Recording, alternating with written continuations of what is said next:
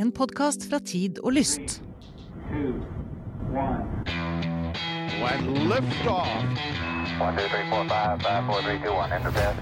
Okay, we checked all four systems, and there you go on modulation, all four, and keying with a go. Alle barn eh, Nei, nå må dere følge med, for eh, vi skal eh, Nå skal vi på skolen her i Romkapsel. Eirik Newth, igjen så er det fryktelig mange studiepoeng samla på den andre sida av bordet her. Det er det. Eh, og denne gangen så er det altså, Normalt vil vi si at dagens gjest trenger ingen introduksjon, fordi hun har vært med mange ganger før. Marianne Vinje Tantilo fra Norsk Romsenter. Hallo, Marianne. Hei, hei. Men Nils Johan, hun trenger kanskje en introduksjon, for ting har skjedd? Ja, vi har jo tidligere eh, Det begynner jo å bli en stund siden du, du var her nå. Velkommen til eh, vår nye kapsel. Takk for det. Ja, Du har ikke vært i studio, du har ikke vært i headquarters. Nå også på video eh, på YouTube. Ja. Ja.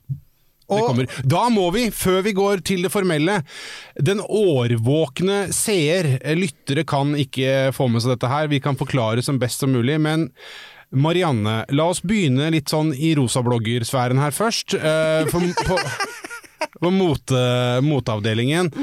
Altså, det er jo altså en eventyrlig kreasjon, og det er vel kanskje første og siste gang vi sier det i denne kapselen. Eh, Det er en eventyrlig kreasjon du har valgt å drapere deg selv i dag. Ja, ja, i dag har jeg valgt å drapere meg i en rombluse. Ja. Rakettbluse.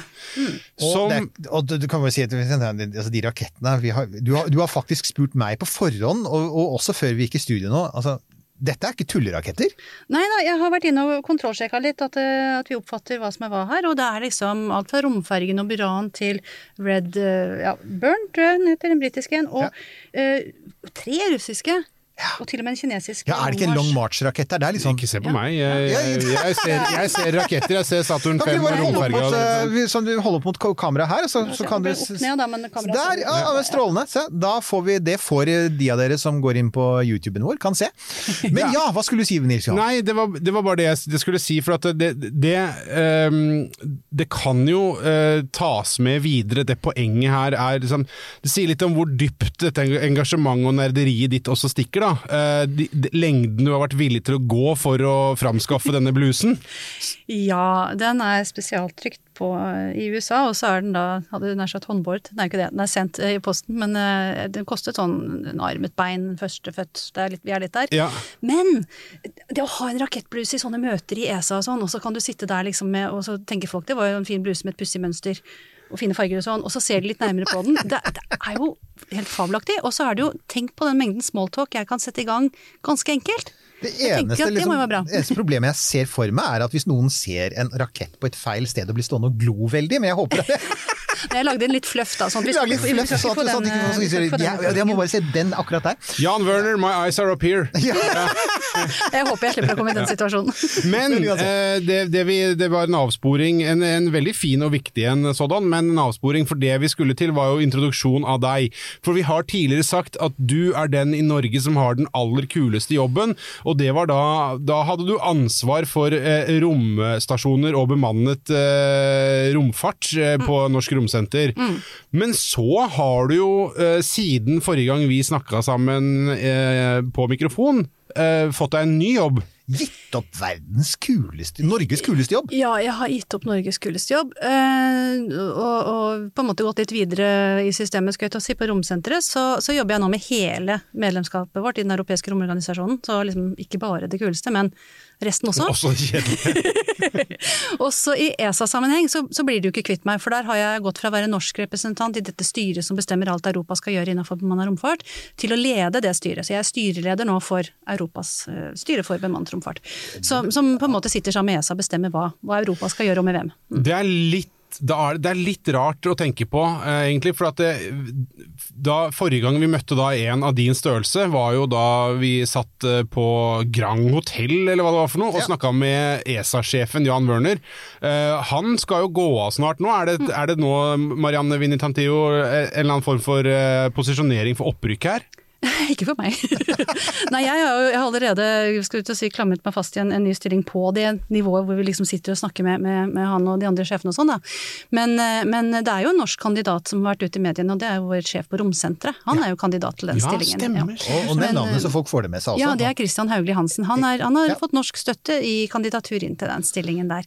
Men det, det er en prosess som pågår nå, og det blir sannsynligvis avgjort i desember en gang. For øvrig framtidig gjest her, helt Ja, åpenbart. det er. Men, eh, men, men ja, altså. eh, Grunnen til at vi har deg i studio i dag, vi vi inviterer deg jo av ulike grunner til ulike tidspunkter. Denne gangen så er det rett og slett fordi at vi har fått mye spørsmål.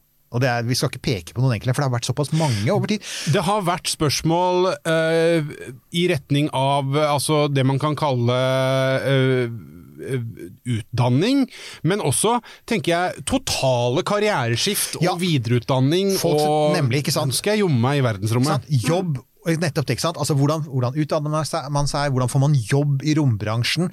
Og, og jeg tenkte at ok, dette bør vi egentlig svare litt ordentlig på, for det er jo helt reelt. Det er tusenvis av mennesker, også i Norge, som jobber i denne bransjen, og internasjonalt så er det hundretusener, hvis ikke millioner, som jobber i bransjen. Så det er jo en bransje, dette er jo ikke bare fantasi og science fiction. Vi, du sitter jo her, Marianne, du er jo i denne bransjen, så du er jo et, er et levende eksempel på det. Men jeg tenkte kanskje vi først, altså, kan vi bare starte med én ting, for at vi har jo en Facebook-side hvor jeg driver og legger ut ting med jevne mellomrom, og for, for et par uker siden så la jeg ut en sånn infographic som viste på en måte oversikten over fra 2019, da det var konsulentselskap som hadde laget en sånn oversikt over den globale rombransjen som en sånn kakediagram. Og den var litt interessant. For det første så var det altså størrelsen. De sa det var på sånn Jeg har sett tall på 360 til 400 milliarder dollar, det er kanskje riktig? Altså totalt sett. Det, altså, det er faktisk ganske, det, det er ganske svært. Det er jo på en måte mer enn jeg trodde. Det er ganske mange penger. Det, det, et par ting som var interessant der. For det første så var det ca. en fjerdedel er offentlig. Altså Det er NASA, og NASA og USAs militære dominerer. ESA kommer ganske langt ned på den lista, dessverre. Uh, tre fjerdedeler er kommersielle aktører, og nesten alt er satellittbasert. Det vi syns er kulest, rakettene og romkapslene, det er halvannen prosent av dette. Så det, det, det forsvinner nesten i kakediagrammet. Mens ting som ofte blir sett på som litt sånn ja ja, TV-satellitter, kommunikasjon, vær, alt dette her, ja det er jo sånn. Det er altså faktisk, det er det som på mange måter er rombransjen for de fleste, kan ikke vi si det sånn? Ja, ikke sant. Altså, en ting er jo å lage disse tingene og, og skru dem sammen, og være ingeniør og liksom eh, få fram altså, selv, det, selv det å stende opp en TV-satellitt, det er eh, ganske så nervepirrende, vil jeg tro, da. Selv om det blir jo litt sånn rutine over det også. Men ikke sant, noen skal jo bruke alle disse her dataene som kommer ned igjen. Og det er jo nesten litt sånn glemt som rombransje, ikke sant. At det, du sitter på bakken og mottar data, om du da er Mars-forsker, eller om du er lege, eller om du er en eller annen som skal eh, ta imot signaler som er superviktige der hvor du er ute på båten din i nordområdene, liksom. Altså alle disse bruker rombransjen, og noen av dem kan jo til og med si at de jobber i rombransjen, litt avhengig av hvor langt ut i næringskjeden de kommer. Um, så eh, rombransjen er liksom så vid, ikke sant. Det kan være alt fra da teknologer til uh, jurister, til medisinere, til kontordamene de trenger i Paris, ikke sant, eller kontormenn, alt ettersom. Uh, og og ja, altså, det er jo det første er jo å tenke at rom er ikke bare de som skal skru sammen og lage raketter. Det er så sinnssykt mye mer enn det. Ja, og da kommer vi på en måte litt tilbake til der vi var også for en stund siden. Vi snakka med eh, Kårstein eh, Eidem Løvaas om liksom, norsk rompolitikk. Som hvis man leser den norske rommeldinga, så er jo det ganske kjedelig. Uh, fordi det handler om veldig sånn Jo, men det er, det, ja, det er jo det. For det er, det er veld, ja, for det er veldig praktisk innretta. Fordi altså, her er det snakk om i all hovedsak å høste data. Fra satellitter. Nytte. nytte. Ja. Og da er det sånn, i rommeldingen så er det, så nevnes, og tro det eller ei, ikke sant, oppdrett. Oppdrett av fisk. Ikke sant? At det er en, her kan vi benytte romteknologi. Mm. Så folkens, det er ganske svært og mangeomspunnet dette her. Det er det, og hvis du da for eksempel Altså, vi har jo vi har jo lyttere fra alle bakgrunner, og en, eh, blant annet en gruppe som ser dukker opp i kommentarfeltet til stad, er f.eks. folk i oljebransjen. Som liksom sier er det, noen, er det noen mulighet for å tenke seg overgang fra oljebransjen til rommet? Og da tenker jeg med tanke på det vi har snakket om nå, ja men det er helt klart. Don't wanna fall apart, miss you baby. Så so, drilling Landing on jeg ser dette det er jo sånn, noen ord her som dukker opp i, i, i den diskusjonen sånn når det gjelder den bransjen, også i Norge. og Det er sånn, sånn ord som upstream og downstream. Kan jeg bare kjapt si hva det er, sånn folk veit hva det er. Altså, upstream det er, det er de tingene som går opp, ikke sant. Det er liksom sånn å bygge de ti det, det er for så vidt altså, Elon Musk er en sånn eksempel upstream. Og Peter Beck er upstream. Og så er det downstream som er Bruke det. Det er brukerne, og det er liksom alt som kommer ned av Det er data og slike ting. Ja. Og det er nesten alt, folkens. Ja, så kan du, liksom, du kan gå ut i den næringskjeden, ikke sant? for en taxisjåfør bruker jo GPS-signaler, men en taxisjåfør er jo ikke romansatt, ikke sant. Så, og GPS kommer fra satellitt, men ikke, det er et eller annet sted så går det en grense mellom hva som Ja. du kan kalle rom, og hva på en måte som blir ja, å bruke space, som sånn muliggjørende teknologi. Altså, Ja. Det kunne vært en datamaskin, det kunne kommet fra rommet, du bryr deg ikke lenger, du bare bruker dataen. Da er du ikke innafor det, det du sier der passer jo egentlig vel, for at om, om noen dager eh, etter at dette her tas opp, så vet jeg at at ja, SpaceX skal skyte opp en sånn Falcon 9-rakett med en GPS-satellitt opp. Og så, så, så det vil si med andre ord, Falcon 9 og selve satellitten, det er upstream, men den posisjonen du får, og alle de tjenestene du får av GPS, det er downstream. Så enkelt det er det, si. Ja. Så sitter noen og jobber med de GPS-signalene, og de jobber jo fortsatt i rombransjen. Mm. Men når de på en måte har gjort nytte av det og sender det ut til brukerne, da, da begynner det å bli eh, Så kan du i beste fall være i GPS-bransjen. Ja. Så sorry folks, når du sitter i bilen din og bruker GPS-kart, du er dessverre ikke i rombransjen av den grunn. Det er sorry. Kommer an på, det kommer litt an på hva slags, det kommer litt an på hva slags stemme du har valgt på den GPS-en. Ja, Hvis det er uh, James Earl Jones, eller ikke sant. Så da, da er vi grå gråsone. Men skal vi nå bare sånn for ordens skyld, når vi skal fortsette å snakke om dette her uh, ta et, et sånt nærliggende eksempel. Deg sjøl, Marianne. Ja. Eh, på et eller annet tidspunkt så var du ferdig på videregående eh, og skulle gjøre noe annet, noe videre. Hva ble det? Jeg skulle fra jeg var 13 bli én av tre ting. Jeg skulle bli konsertpianistinne. Viste seg at jeg var ikke god nok. Eller jagerflyver. Eh, viste seg at eh, jeg hadde ikke godt nok syn. Eh, eller matematiker. Ja. Ja, det var de tre tingene. Så da ble jeg matematiker. Et veldig spenn. Ja! det var liksom si. det det var, da. Ja, ja, ja. Og så, eller For meg så er egentlig matematikk og musikk ganske nært hverandre. Så, sånn sett så er det ikke et ja, nei, men, men det er jo derfor jeg ikke er en god musiker, da, kan du si. Um, nei, så, så jeg ble matematiker, da, så jeg tok anvendt matematikk, informatikk, på Blindern. Uh, og tok en hovedfag, et hovedfag på FFI i satellittbilde. Satellittbilder, da. Mønstergjenkjenning i satellittbilder. Ja, og, eh, og, og som du da har sagt eh, før vi begynte å ta opp, at du var jo ikke spesielt interessert. Jeg var litt i interessert i rom i det hele tatt. Altså, jeg var liksom tall og sånn. Jeg var litt sånn nølete på tall, da, men altså verdensrommet som sådan var bare Hva var det som gjorde det? Øh, Gjorde hva? At du ble interessert? Å ja! Nei, altså da var jeg jo på, på FFI og skrev om disse satellittbildene mine, og det var jo greit nok det, liksom. Og så var det veilederen min der som foreslo at jeg kunne søke om å være trainee hos ESA i, i Nederland, da på teknologisenteret der. Eh, og det ble jeg, eh, og der skrev jeg også om satellittbilder. Og, og um, for så vidt fortsatt bare tall. Og syntes det var hyggelig og fint. Jeg jobbet sammen med en hel haug med mennesker der og ble kjent med masse folk fra hele verden og sånn, men fortsatt ikke så engasjert. Men så dro jeg på International Space University i sommerkurs. Happ, happ, happ, happ. Hva er det for noe? La oss stoppe. Høres det litt kult ut? Ja, kan, Unnskyld? hva, hva sa du? International Space University? Ja. Finnes det et Space University? ja, og hvis du tar hovedfag der, så blir det Master of Space. Oh, oh my god!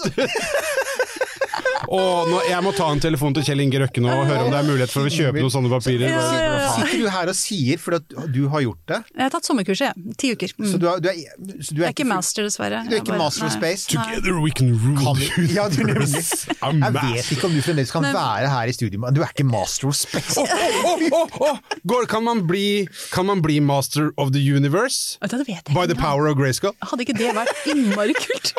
Det er fantastisk. Nei da, så da, så da gikk jeg det ti ukers sommerkurs, og det er sånn eh, Du holder jo på døgnet rundt med oppgaver, og, og jeg skrev om en romstasjon, da, eh, sammen med en annen gruppe mennesker, og, og hvordan man kunne gjøre telemedisin. Hadde en fantastisk eh, lege fra Russland som lærte oss eh, alt om hvordan de hadde gjort, gjort ting. Helt utrolig fascinerende. Og ble jo helt liksom inni det i ti uker, og kom ut på andre sida og var frelst. Ja. Ja. Og jeg hadde også fått meg en mann fra NASA. Ja. Altså jeg var jo gift med en mann fra NASA, liksom. Så det var, det var en del av det. Så det var liksom full pakke? Full pakke. Så det var en del av det. Og da, etter det så, så var jeg jo romfrelst TV-tid, ikke sant. Og, og, og var, jobbet litt i Norge en liten stund, men, men dro da videre ut i verden. Og jobbet da med, med satellittoperasjon i Tyskland i tre år. Uh, og fortsatte å være enda mer og mer romfrelst, da, for nå, nå var jeg jo bitt av basillen. Eh, og så dro jeg til eh, Frankrike, til Paris, bodde i Paris, og, og jobbet med design av romfarkoster. Og da spesifikt en farkost som skulle til romstasjonen, ikke sant, ATV, ATV Automated Transfer Vehicle. Jobbet med å designe liksom, hvordan den skulle se ut. Mm. Men du, en ting. En ting. Eh, du drev med satellittoperasjon. Ja. Hva er satellittoperasjon? Altså, Disse satellittene går jo for så vidt i bane av seg sjøl, men noen må jo bestemme hva de skal gjøre og når de skal gjøre det. Og jeg hadde ansvar for et par instrumenter og hvor de skulle peke hen på jorda og når og sånn, som egentlig er en sånn relativt uh, tørr oppgave. Den er veldig spennende de første åra, og så blir det litt kjedelig, og du håper på en måte at ting skal gå litt feil, for da blir det litt mer action. Uh, så etter tre år så, så var det jo nok av det, da, men, men, men i de tre årene så, så jobbet jeg med å, å eh, ja, altså bestemme hvor og når og hvordan disse instrumentene skulle peke, basert på forespørsler da, fra, fra brukerne. Kall det igjen nytte. Ikke sant? Brukerne trengte at vi pekte der, der var det flom, eller der var det katastrofe, og da måtte vi sørge for at satellittene gjorde det de skulle, og at mine instrumenter, da, for meg og de andres instrumenter og hele satellitten, var der den skulle og tok bilder. Skjønner. skjønner. Og det var din ferd til dit du er i dag. Ja. Ja. så jobbet jeg i, Paris da med å designe testfasilitetene faktisk da, til denne ATV, og så, og så så jeg jobb, eh, verdens kuleste jobb, i sin daværende iterasjon utlyst på Romsenteret, og søkte på den og fikk den. og Du sveiper jo fort forbi ATV her, vi har ikke nevnt det, men det, det er altså Det er en det er en robotfartøy som flyr opp og, og dokker seg med romstasjonen, helt på linje med, med Dragon og med, med, med Progress. Det er ingen liten ting, altså. Det er faktisk utrolig kult. Det er altså en robot, eh, robotromkapsel! Og de Så ja. lagde, de lagde bare fem av dem, dessverre. Ja. Men eh, nå skal de videreføre deler av det. Eh, I hvert fall så jobber de med å videreføre deler av det mot eh, Gateway. Så de, de gir ikke helt opp på det designet, liksom. Så, mm. Og da har du altså vært med på det. Men det er jo, altså, dette er jo litt interessant, for at et av de spørsmålene vi ofte får, er, jo nettopp dette med, med, med utdannelse. Og sånn, altså, vi har jo ingen eksperter på dette her nå, det har jeg jo, altså, men vi kan jo si noe om det, for det fins en del tilbud som vi kan nevne her. Men sånn i utgangspunktet så tenker jeg at når man tenker romfart, så tenker man ja, Betyr det at du må være god i matte og fysikk? Altså, må du på en måte gi opp en drøm om en jobb i rombransjen hvis ikke du har vært veldig god i realfag, eller finnes det noen andre veier inn? ja, altså, jeg har jo tilfeldigvis valgt matematikkbransjen inn, skal jeg til å si. Ikke sant? Ja, er konsertpianistinne. Ja, Jeg er litt det, det var det jeg satt og tenkte, at Ja. den er kanskje Pianistinne syns jeg dessuten er et sånt morsomt ord. Ja. Ja, men Ja, nei, det er veldig, ja. veldig spesifikt. Det er veldig spesifikt. men det er matematikk, det òg. Men, men ja, altså det fins jo Du kan jo bli eh, så Nå er jo ikke alle disse utdannelsene som gjør som, som Du må jo ha ja, si, Noen utdannelser må man jo ha bedre karakter til enn andre. Ja. Men ikke sant, det er rom for uh, leger, uh, folk som jobber i IT-bransjen, jurister IT, det tenker jeg altså signalbehandling, bildebehandling, ja, ja, altså, sånn, de skal jo IT-drift på Estec også, liksom. ikke sant? Så du, til og med der, ikke sant. Vi, vi har jo nordmenn som jobber i IT-driftbransjen. du, du nevner Estec ofte når vi prater med deg. Hva er Estec? Det er det sånn teknologiske senteret til ESA. Der jobber det mange tusen mennesker. Det er derfor liksom det er litt sånn det er rombransjen, eh, det er jobb. Altså det, så, og der er det også nordmenn som jobber, ikke sant? Der er det nordmenn som jobber, det er altfor få. For vi skal liksom ha en andel av disse 2700 ansatte til ESA For skal være norske. få, folkens! Det er for få nordmenn! Hør med. Estec! Ja. Og ikke bare det, men i løpet av de nærmeste ti årene så skal 40% av de ansatte i ESA pensjoneres. Og de skal jo erstattes, ikke sant. Så ikke bare er det allerede for få nordmenn der, men de skal også em, erstatte. Altså Mm. 40 av, av arbeidsstokken sin med nye folk, og, og Men, der men, ja, for, muligheter. for da, da snakker vi om at eh, liksom, eh, Leif eller eh, Kristine, som har tatt la oss si informatikkstudiet, da. De kan ja, søke på, kan søke på en jobb der. Ja, ja, ja. Alle, kan, alle kan søke om det. Ja. Og, og du kan si du kan søke både sånn som jeg gjorde, og søke om å bli trainee, altså rett ut av skolen. Da, at du, du um, hiver deg uti det og søker på noen av de mange trainee-stillingene de lyser ut hvert år. Um, I år så går, søk, går runden på det i januar. Eh, og da er man der et år eller to eh, og jobber på et prosjekt som er et ordentlig voksenprosjekt, altså du får en skikkelig jobb. Og, og noen fortsetter, og noen fortsetter ikke. Og du kan si det at selv om du da f.eks. ikke fortsetter i rombransjen, så er det å ha jobbet i, i Europas eh, største, eller et av Europas største teknologiske eh, um, altså FoU-organisasjoner da, er alltid et lite pluss på, plus på, på CV-en. Og de har jo da installasjoner i, eller eh, hva heter det for noe, steder, sentre, i Nederland, som er det teknologiske senteret, astronautsenteret i Tyskland, hvor de jobber liksom leger, og de jobber masse med AR og VR. De har eh, mye eh, Der har de mye på mer sånn menneske-maskin-interaksjon. Visualisering. Ja, visualisering og sånne ting. Ja. Og så har du Tyskland, da hvor jeg jobbet, på, på operasjonssenteret. Og så har du i Italia så jobber du jo med, med data, altså jordobservasjonsdata, med denne nyttebiten av det. ikke sant? Om du har lyst til å redde elefanter, eller om du har lyst til å redde regnskog, eller om du har lyst til å eh, se på mig migranter i, på skip og liksom finne systemer for det, så jobber de med den slags der. Eh, Eller vær, for den saks skyld. Um, og så- eller enkelte væraspekter. Og så har du Science-senteret, som er mer liksom astrofysikk, som jo eh, Eirik kommer fra, som er i Spania.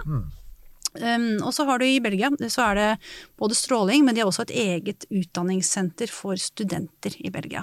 Altså ESA-drevet utdanningssenter for studenter, hvor studenter fra hele Europa kan komme og lære enormt mye. De har kurs du vil ikke tro mange kurs. Ja, og så, og så øh, er du inne på en greie her, kurs og du, du Ja. trainee og, og sommer eh, på dette fantastiske universitetet. Altså, det er, det er litt sånn irrgang, det er litt sånn navigering som må til her. Og også ikke minst det å finne alle de forskjellige programmene, da. For at det er jo ikke sånn at eh, eller kan man bare søke med Etter at man har tatt X-Fil, kan man søke på, på Romuniversitetet liksom, og bli master of the universe? Er det Altså, yngste, Jeg tror du må ha en bachelor faktisk for å, for å komme inn der. Eh, Men yngstemann da jeg var, han var 22 eh, og interiørdesigner. Og gatemusiker. Det var sånn han fikk pengene for kurset. Du må ha et stipend for å være med, for det er ganske dyrt. Eh, og, og det er lyst ut noen stipender hvert år. ESA har et som man kan søke på, blant annet. Eller har flere, da. Eh, og ISU har sine egne. Um, men du må nok ha en bachelor for de fleste av disse tilbudene.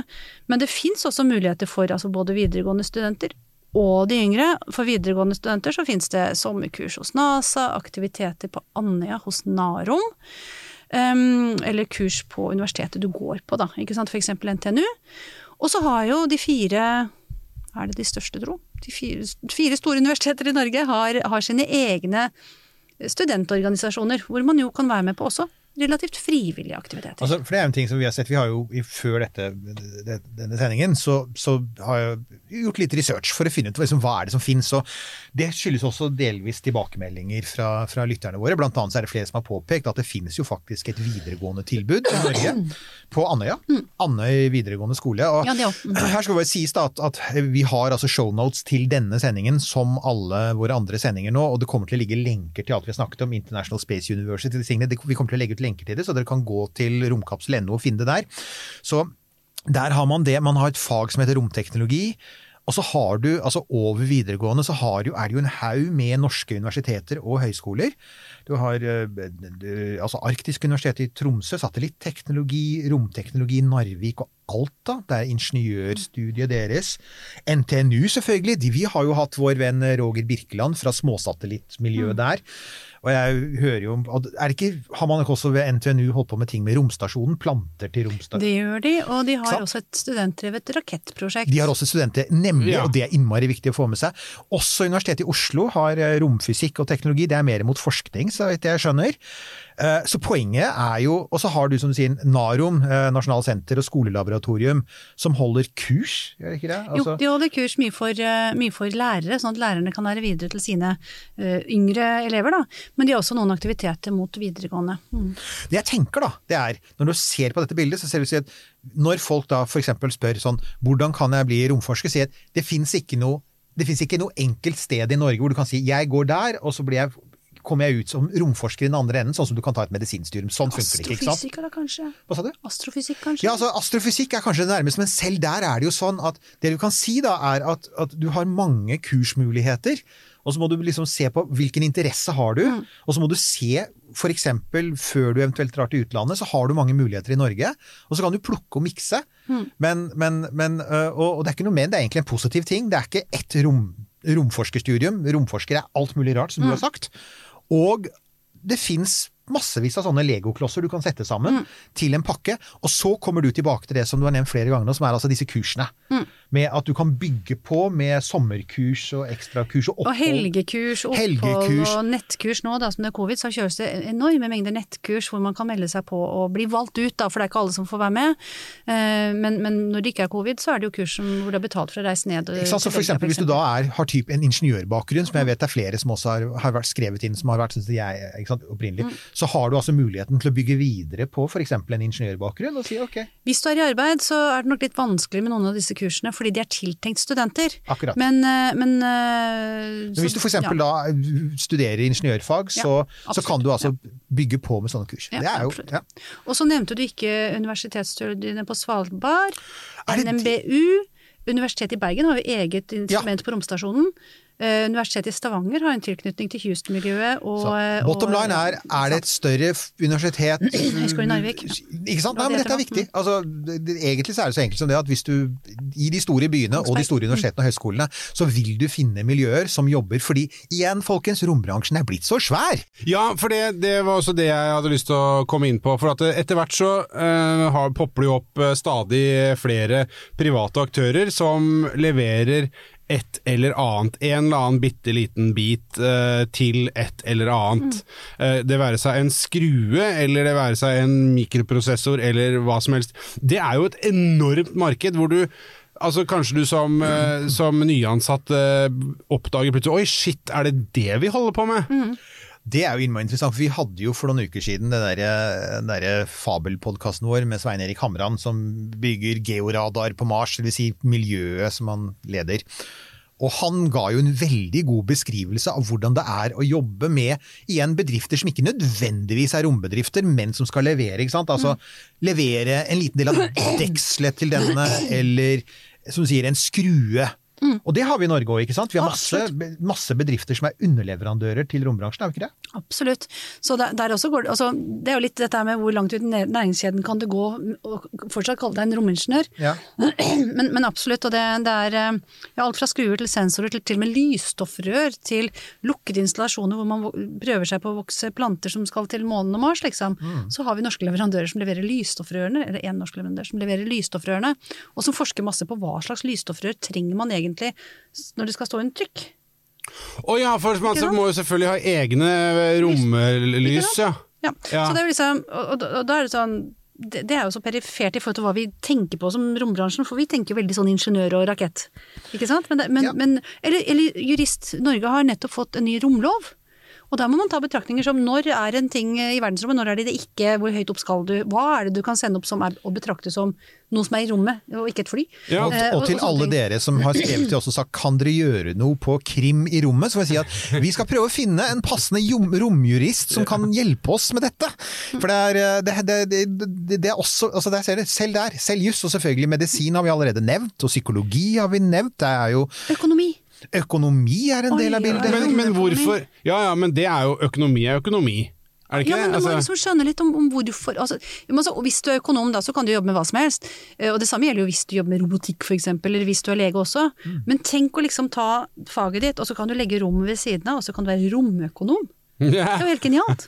Og da må du liksom skjønne, ja men altså når vi skal reise til asteroider og mine, altså hente ut eh, råmaterialer, er det, gir det- økonomisk mening? Altså det er jo drømmejobben for en rominteressert økonom, vil jeg tro da. ja, og der er du jo inne på et ganske viktig poeng. Det handler jo om og det som du sa også, det handler jo om interesse. Altså Hvis du driver med et eller annet, så må du liksom bruke huet litt og klare Ok, hvordan kan jeg tviste det jeg holder på med inn mot eh, mot verdensrommet, da, og, og innafor den eh, voksne industrien der.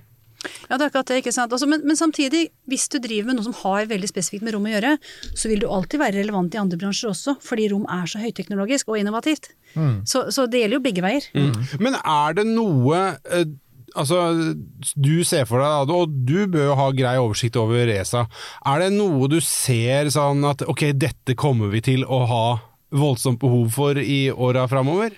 Du nevnte jo at det var en hel masse IT-folk som skulle pensjonere seg snart. Men... Ja, mye på alle områder egentlig i ESA-systemet, så, så sånn sett så er det muligheter for alle. For alle, egentlig. Um, men ESA har jo en hovedvekt kanskje på teknologiutdannede, men ikke sant? de har jo alt fra lærere for utdanningsløpene sine og jurist, altså alt.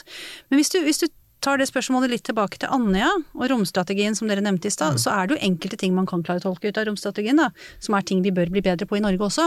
Og som matcher fint med både ESA og EU for så vidt, altså aktiviteter som kommer. Og det er jo ting som å sende opp raketter fra et nasjonalt senter, ikke sant. Altså, så, så der er vi tilbake raketter igjen, da. Ja, men- De skal jo ansette en hel haug med mennesker der oppe. Vi skal, det er viktig, jeg syns synes egentlig det er viktig å nevne, fordi, fordi altså, igjen, vi tenker jo ofte på altså, rommet som ingeniører, forskere, altså veldig akademisk. Men som vi har vært innom tidligere, eh, det er definitivt et sånn hard hat-preg ved rommet også. Altså alle sveiserne som nå driver og sveiser sammen disse digre rakettene nede i Texas. er- Dwayne.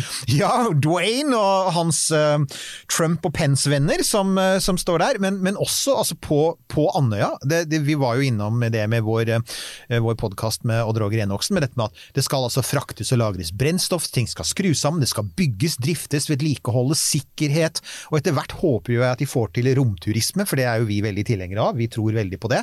Så det kommer jo også rundt det til å oppstå Altså rundt et sånt senter, da, så kommer det til å oppstå en haug med med sånn spin-off-jobber. Som igjen, per i dag så tenker ingen ja, men altså Romturisme, det er jo ikke en norsk greie, jo, men det er det jo om tre år. For da skal vi faktisk Tusenvis av mennesker kommer til å ville dra opp til det spektakulære landskapet der de ville se. Og da er jo det faktisk også en spin-off-bransje fra rombransjen, ikke sant. Og, da, og der sier jeg at hvis det er noen som sitter og hører på nå, hvis det er noe som dere ikke Hvis det er, altså hvis dere er Så ja, selv hvis det er reiseliv du er interessert i, så, så hvorfor ikke begynne å tenke på det og planlegge at i løpet av to år skal det skytes opp en eller annen kul rakett. All erfaring internasjonalt tyder på at dette er noe folk gjerne vil se på. Det kommer til å bli livestrømmer, vi skal lage en av dem, det har vi allerede lovet. Men, og, og, så begynn å planlegge nå! For post korona, begynn å planlegge for det nå, og vær tidlig ute. Og da er dere en del av rombransjen. Ja, og nå vet ikke jeg hvordan, eh, hvordan eh, folk som jobber med som f.eks. For forskalingssnekker eller et eller annet sånt, noe stålbinder eller noe, hvordan de tenker på det. Men jeg tenker jo det, da kan du i hvert fall klappe deg sjøl på skuldra, da, hvis du posisjonerer deg riktig til at du kan begynne å støpe og, og et eller annet eh, oppå Andøya der, da. Så, har du jo, så er det vel muligheter for å sette ei lita signatur i noe sånn støp som ikke helt er tørr ennå. Ah, jeg syns at de skal få ha noe sånt Jeg holder jo på, det er vi fremdeles altfor dårlige her i Norge, å lage merch og mission patches og, og sånne, sånne skikkelig jakker med ting på. Amerikanere er kjempeflinke på det, så, så det syns jeg vi skal få, få mer til. Men, men uansett, altså, det vi egentlig peker på her, er at dette er jo, altså, dette er jo en bransje som veldig lenge så var det ganske stagnant, og det kan man faktisk se på tallene. Det var flere oppskytninger på 60-tallet enn det faktisk er nå, bare så det er sagt. Det ble løftet, løftet mer tonnasje i 1969 enn det ble løftet i 2019. Men ting er i ferd med å skje, og, og for ikke så veldig lenge siden så var jeg med på et sånt opplegg ute på, på Kjeller, hvor det var massevis av norske romstartups som hadde en konferanse. Det er i ferd med å skje. Vi har småsatellittene med, med Rocket Labs, Peter Beck, som driver og er veldig hissig på Twitter. Han, han, er, han overgår Elon Musk med å tvitre ting. Men han er superopptatt av alle de nye små selskapene som dukker opp nå. Du hadde et forsøk på å sende en privat månesonde fra Israel, Bereshit. Uh, og nå har Peter Beck vært ute og sagt at han leter etter private investorer til å sende en sonde til Venus, for han er mye mer opptatt av Venus enn Mars. Kan ikke skjønne hvorfor han holder seg unna Mars, liksom. men, men, det er jo litt spennende, da, for det betyr at det er liksom løftet opp fra jo da, privat var f.eks. Telenor sender opp en TV-satellitt, til privat nei, vi sender bjørnedyr til månen, vi. Eller nei, vi skal prøve å finne fosfin på Venus, siden NASA har tenkt å bruke 15 år, men vi skal sende noe av gårde i 2023. Er ikke det litt spennende? Altså at vi ser nå at liksom sånn rommet da, for hva som var ja, altså hva som var privat og startup og, og, ny teknologi. Det ser ut som det nå driver og åpner seg noen nye ting, kanskje særlig med grunn av småsatellitter, som er innmari interessante. Absolutt, og du ser jo også at uh, interessen i Norge har jo skutt virkelig fart de siste åra. Dette her med at nå finnes det jo Da, jeg studerte, så fantes det jo ikke noe som het liksom, romorganisasjoner for studenter, da, ikke sant. Men mm. nå er det jo det på de største universitetene, som jeg nevnte. Og, er det det? Ja, det er, uh, det er jo um, Ja, det er det. Jeg kan ta det ja, ja, ok, kult. Veldig. og, og, vi ser også at det til og med er studentstarted startups, ikke sant? hvor de gjør det som en del av studiene sine. Og liksom, Bygge raketter, du var inne på det. Ja, jeg var inne på det. Altså, altså, vi må si et par ord om det. Altså, for vi har også en del Det er ikke bare oss gamle Erik Tandberg-fans som mm. hører på Romkapsel. Vi ser jo det av kommentarene! Det er en del av dere som også er i starten av et utdanningsløp. Går det an å være med på å bygge raketter som student?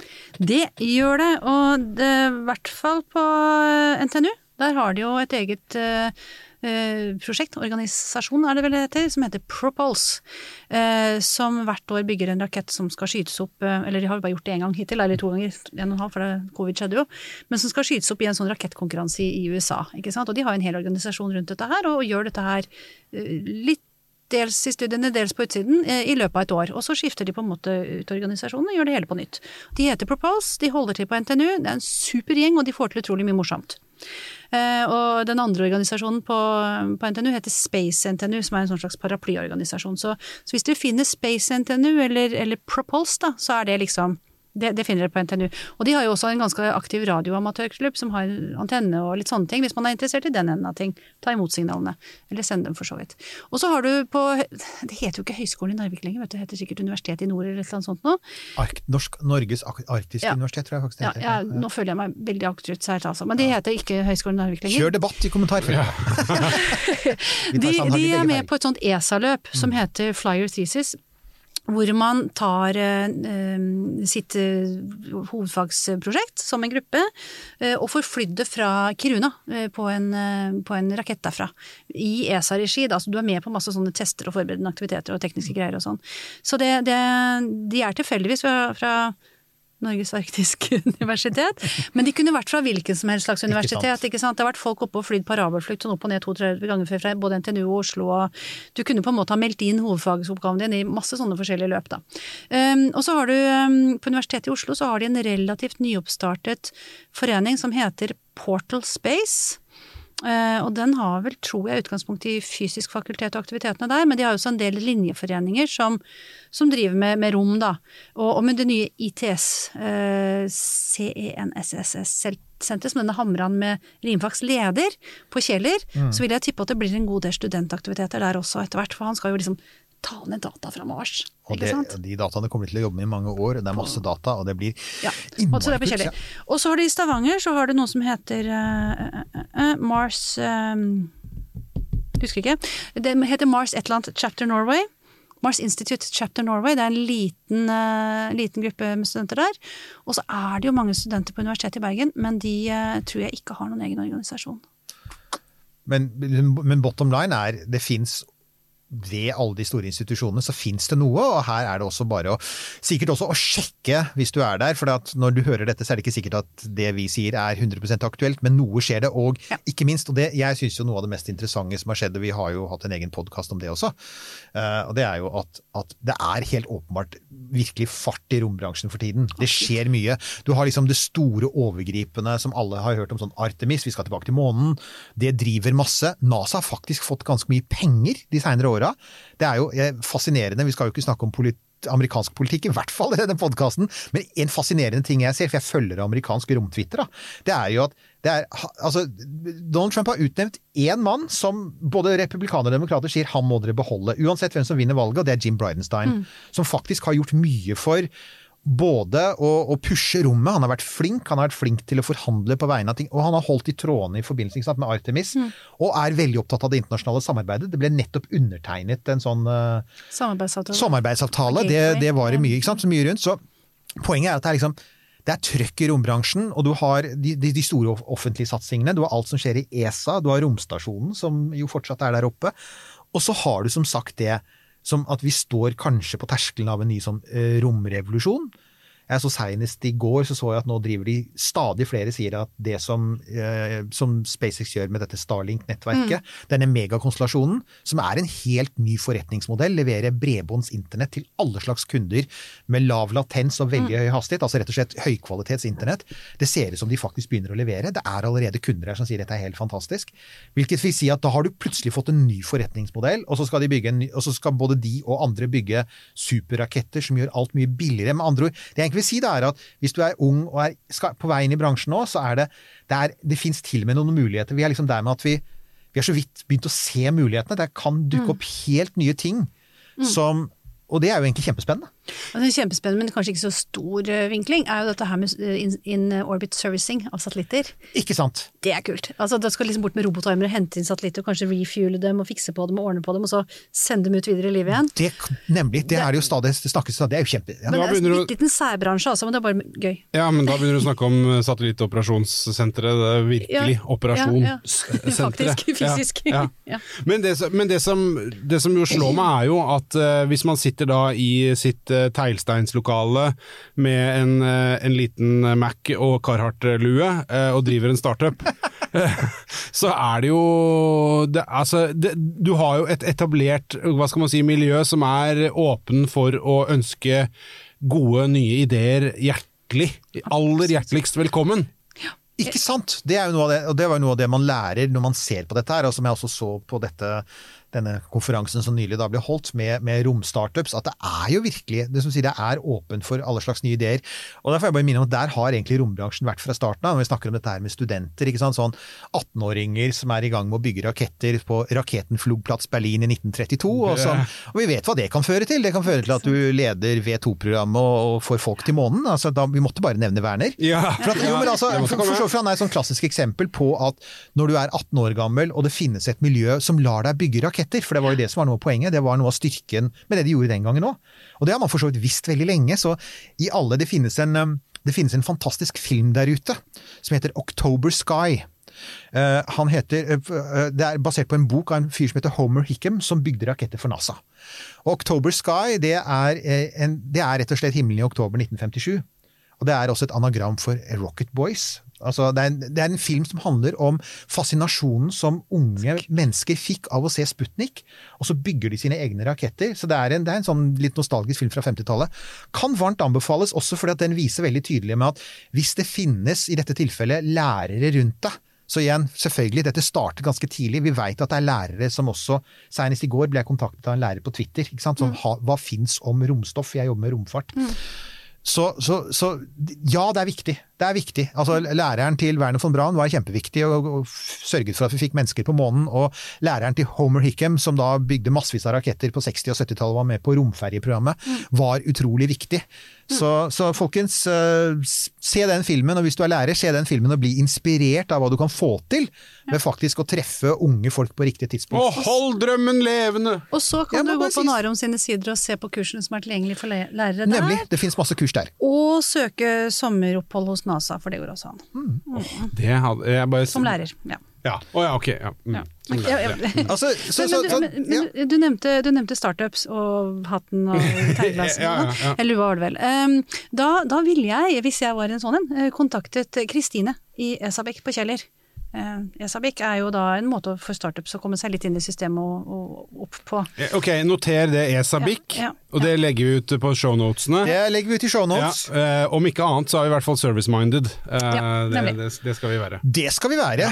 Og, og igjen, altså, nok en gang. eh, Nå har dere hørt det fra høyere autoritet, får dere ikke egentlig. Kan jeg bare si én Ja. ting som jeg tror også, for nå har jeg eh, lo- hva du vil long overdue selvfølgelig, men jeg har begynt å lese Foundation eh, Isak Asimov.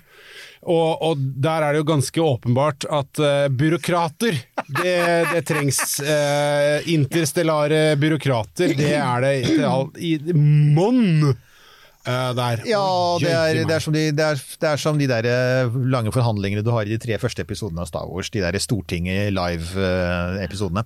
Men det er helt klart, du kommer til å trenge eh, byråkrater.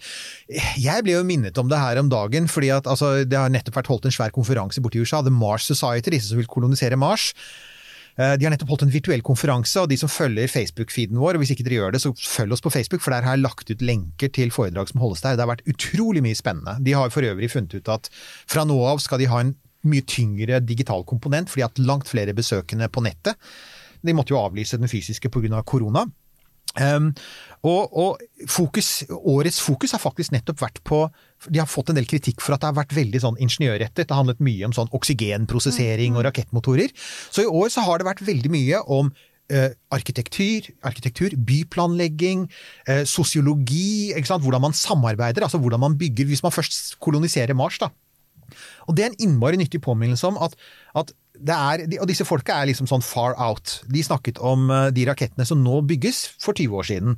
Så jeg er ikke et øyeblikk i tvil om at det som de driver og snakker om nå, er også sånn som kommer til å bli viktig i årene framover. Altså sånn, igjen, hvis vi skal ha flere mennesker i rommet, ikke bare fire mennesker i romstasjonen, Marianne, Marianne, men hvis vi faktisk f.eks. skal være 50 mennesker på månen, da holder det ikke å bo i en liten stålkasse. ikke sant? Da må du faktisk bo i et ordentlig hjem, og kanskje ha et bymiljø. Ja, kanskje til og med at du må printe, eller må lage betongen din basert på metodene de har funnet på Høgskolen i Østfold, hvor man også kan lære om rom. Og der fikk man det! Så- Det er Høgskolen i Østfold, det er enda, og jeg og dere hører Taste, taste, taste, taste, taste. Eirik, Du, du var også inne på Vi bør ta, bare ta med som et sånt eh, fint illustrerende poeng dette her med den russiske Å ja, tanta. du, jeg datt over det forleden. Og det var, på, på Twitter så var det en jeg følger russisk romtwitter. Det er alltid masse spennende der.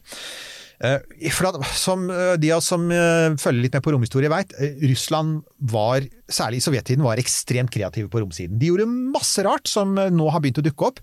Og et navn som har dukket opp i det siste, da er hun har Det er Galina Balashova. Du sa du hadde faktisk hørt om henne? Ja, hørt hørte henne, ja. For det er altså, Hun er fremdeles i live, bor i Moskva. Hun er en gammel dame nå, hun er født i 31. Og tidlig på, på 60-tallet så Så skjønte faktisk Det var Sergej Koroljov, som jo er Russlands Werner von Braun. Han skjønte at, at du holdt ikke bare å stappe mennesker inn i små romkapsler, du måtte faktisk tenke på det miljøet du skulle være i. Og de planla jo allerede tidlig på 60-tallet å dra til månen og bosette seg på månen. Det hadde de planer om. Men da måtte du ha noe mer enn bare sånn lite metallrør. Så han tok da kontakt med henne. Hun var utdannet arkitekt og interiørdesigner ved Universitetet i Moskva. Og, og hun fikk da i oppdrag å begynne å designe og det viste at hun jobbet ikke bare med interiøret i Soyuz-kapslene og etter hvert i Saljut og Mir romstasjonen. Og det var det jeg så en fantastisk nydelig, for Mir er faktisk jeg har vært inne i med en mock-up den, og den er nydelig, den var nydelig gjennomtenkt, den er trang, men den er jo faktisk veldig ordentlig ordnet, og den er ganske sånn lys og fin å se på. Hun var også den som eh, hun designet faktisk også en del mission patches, annet logoen til Soy, uh, Apollo Soyuz, dette uh, sammenkoblingen i 1975. Det er en sånn innmari kul logo. Det har altså Galina Balashova designet, og hun har vunnet masse priser og hatt masse utstillinger. Så Galina er et eksempel til etterfølgelse. Hun kommer fra noe helt annet! Og det er sånn, og, og husk på, det er det jeg sier, altså, dette var, dette var tidlig 60-tall, så det har egentlig vært der hele tiden.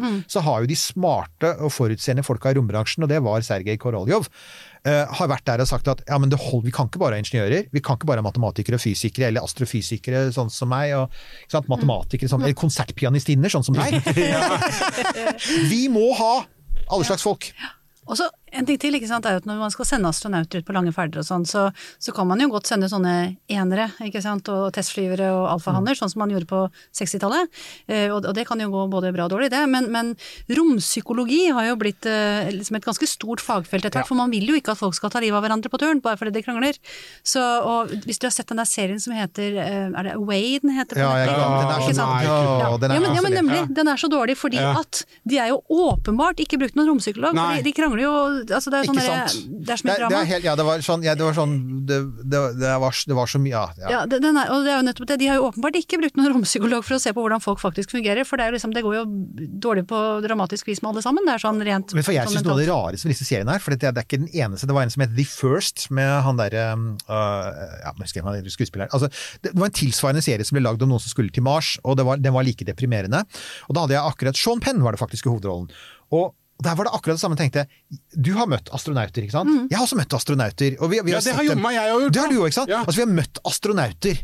Og, og de er jo ikke sånn! Altså, jeg ser, altså, Sean Penn som er sånn dypt deprimert og alkoholisert, og, Ja. liksom sånn, og, og, og, og denne Away og alle krangler sånn.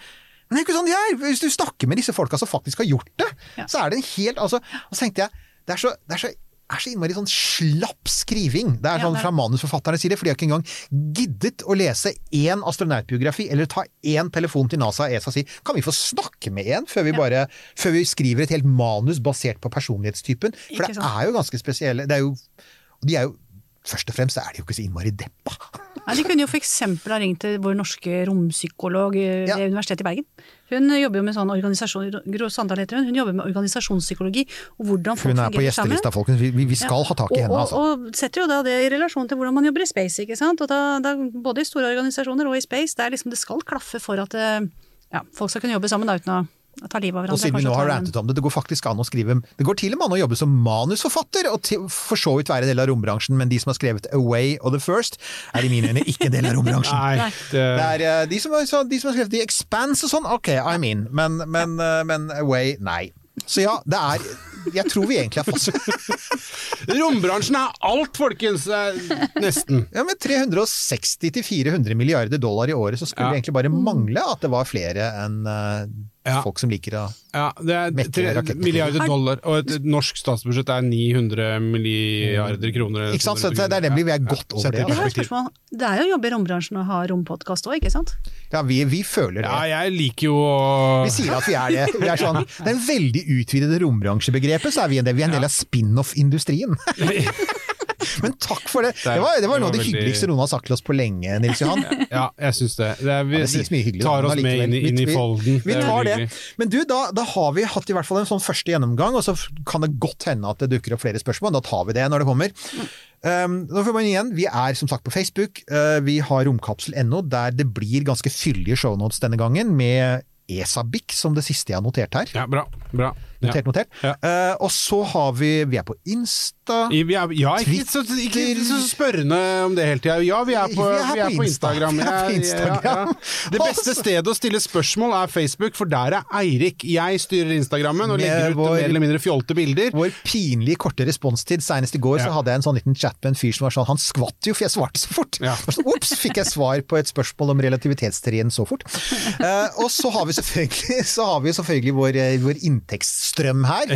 Vi er, det er ikke sånn eh, Vi, vi, har ikke Vi, vi, ja, Vi har en knapp på Facebook-sida som Ja. tar deg til eh, nettbutikken, hvor du kan kjøpe Hold opp koppen, Eirik. Du har kopp. Der, kopp, Eh, der er koppen. der, Eh, jeg har på T-skjorte helt ute i kanten her. Eh, der, veldig hyggelig hvis sånn du Så fokuserer du nå. Det er, takk Ja. for det. Ja. Veldig hyggelig hvis du har lyst på en av de tinga, går inn og kjøper det. Setter pris på det. Vips hvis du er så altruistisk anlagt.